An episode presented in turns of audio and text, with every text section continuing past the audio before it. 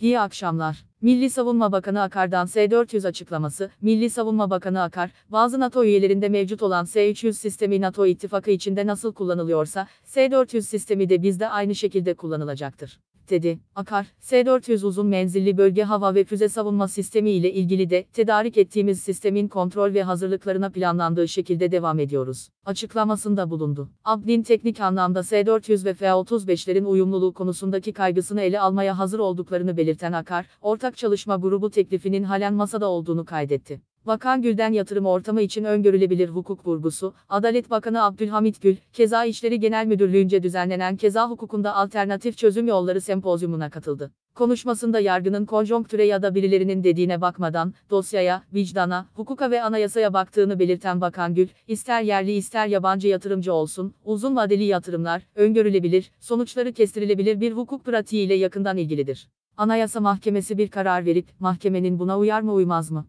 Gibi bir öngörülebilirliğin olmadığı yerde yatırımda hukuk öngörülebilirliğinden bahsetmek mümkün değil, dedi. Bakan Gül ayrıca hukuk güvenliğini vatandaş lehine koruyacak ve daha da güçlendireceklerini, tutuklamayı istisna olarak değerlendiren uygulamaları sağlayacaklarını vurguladı. İstanbul'da sigara yasağına uymayana 900 lira keza, İstanbul Valiliğince, İçişleri Bakanlığı genelgesi kapsamında, bugünden itibaren kentte trafiğe kapalı cadde ve sokaklar ile toplu taşıma araçlarının durakları gibi alanlarda sigara içilmesi yasaklandı. Beyoğlu İlçe Emniyet Müdürlüğü ve Turizm Şube Müdürlüğü ekipleri, Taksim Meydanı ve İstiklal Caddesi'nde drone kaldırarak Türkçe ve İngilizce anonslarla COVID-19 tedbirlerine uyulması konusunda ikazda bulundu. Maske takılması, sosyal mesafeye dikkat ederek hareket edilmesi ve sigara içilmemesi konusunda uyarılar yapan ekipler, ayrıca yürüyerek ve araçla Türkçe ve İngilizce olarak herkesi tedbirler konusunda bilgilendirdi. Maskesi olmayanlara maske veren ekipler, sigara içenlere 900 lira keza yazarken, Esenyurt, Bakırköy, Zeytinburnu, Göngören'de de denetimler yapıldı. Türk lirası, 4 günde %10 değer kazandı. Dolar TL Cumhurbaşkanı Tayyip Erdoğan'ın dün ekonomide güven ve kredibilite kazanımına odaklanılarak,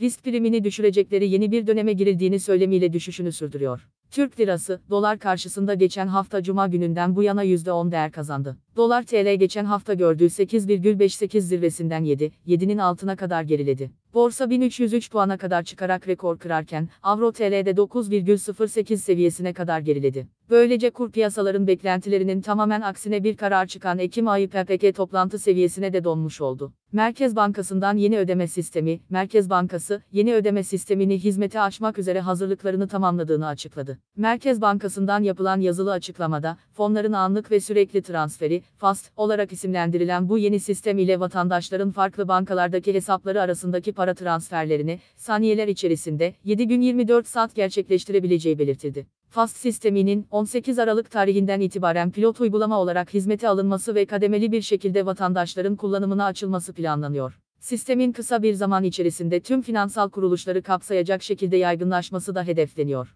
FAST sistemi ile birlikte, ödemelerin telefon numarası, kimlik numarası veya e-posta adresi gibi bilgiler kullanılarak daha kolay bir şekilde başlatılmasını sağlayan kolay adresleme sistemi de kullanıma sunulacak. 1127 kuruma yatırım teşvik belgesi, Sanayi ve Teknoloji Bakanlığı'nın Eylül 2020 dönemi yatırım teşvik belgesi listesi resmi gazetede yayımlandı. Buna göre, Eylül ayında 1,127 kurum ve kuruluşa, çeşitli vergi istisna ve indirimleri ile sigorta primi desteklerini içeren 19,39 milyar TL tutarında yatırım teşvik belgesi verildi. Bu kapsamda Ağustos ayına göre yatırım teşvik belgesi sayısı 216 adet, teşvik belgesine bağlanan toplam yatırım miktarı da yaklaşık 1,06 milyar TL arttı. Resmi gazetenin bugünkü sayısında yayımlanan Eylül ayı yatırım teşvik belgelerine ilişkin tebliğ eki listeye göre, teşvik belgesi alan kurum ve kuruluşların sabit yatırımları 19,39 milyar TL, bu kapsamda ithal edilecek makine ve teçhizat tutarı 1,03 milyar dolar olarak belirlendi. Teşvik belgeleri kapsamında 30.506 kişilik istihdam öngörülüyor. Eylül ayı yatırım teşvik belgeleri listesinde, en yüksek yatırım bedelli projeler arasında enerji ve sağlık alanında yatırımlar öne çıkıyor. BIST 100 endeksi, günü %0,58 düşüşle 1271,75 puandan kapattı. Saat 18.30 itibarıyla AB doları 7 lira 70 kuruş, avro ise 9 lira 10 kuruştan işlem görüyor. Bugün Google'da en çok arama yapılan ilk 5 başlık şu şekilde. 1. Sadakatsiz 6. bölüm. 2. Kuruluş Osman 33. bölüm izle. 3. Sen Çal Kapımı 18. bölüm full izle. 4. Vergi affı. 5. YouTube çöktü. Bugün TV Etter gündemi ise şöyle. 1. Hashtag İsmail Demirbaş. 2. Hashtag Perşembe. 3. Hashtag 12 Kasım 1999. 4. Hashtag Çilem Kılıç. 5. Hashtag Maliye 60 bin öğretmen.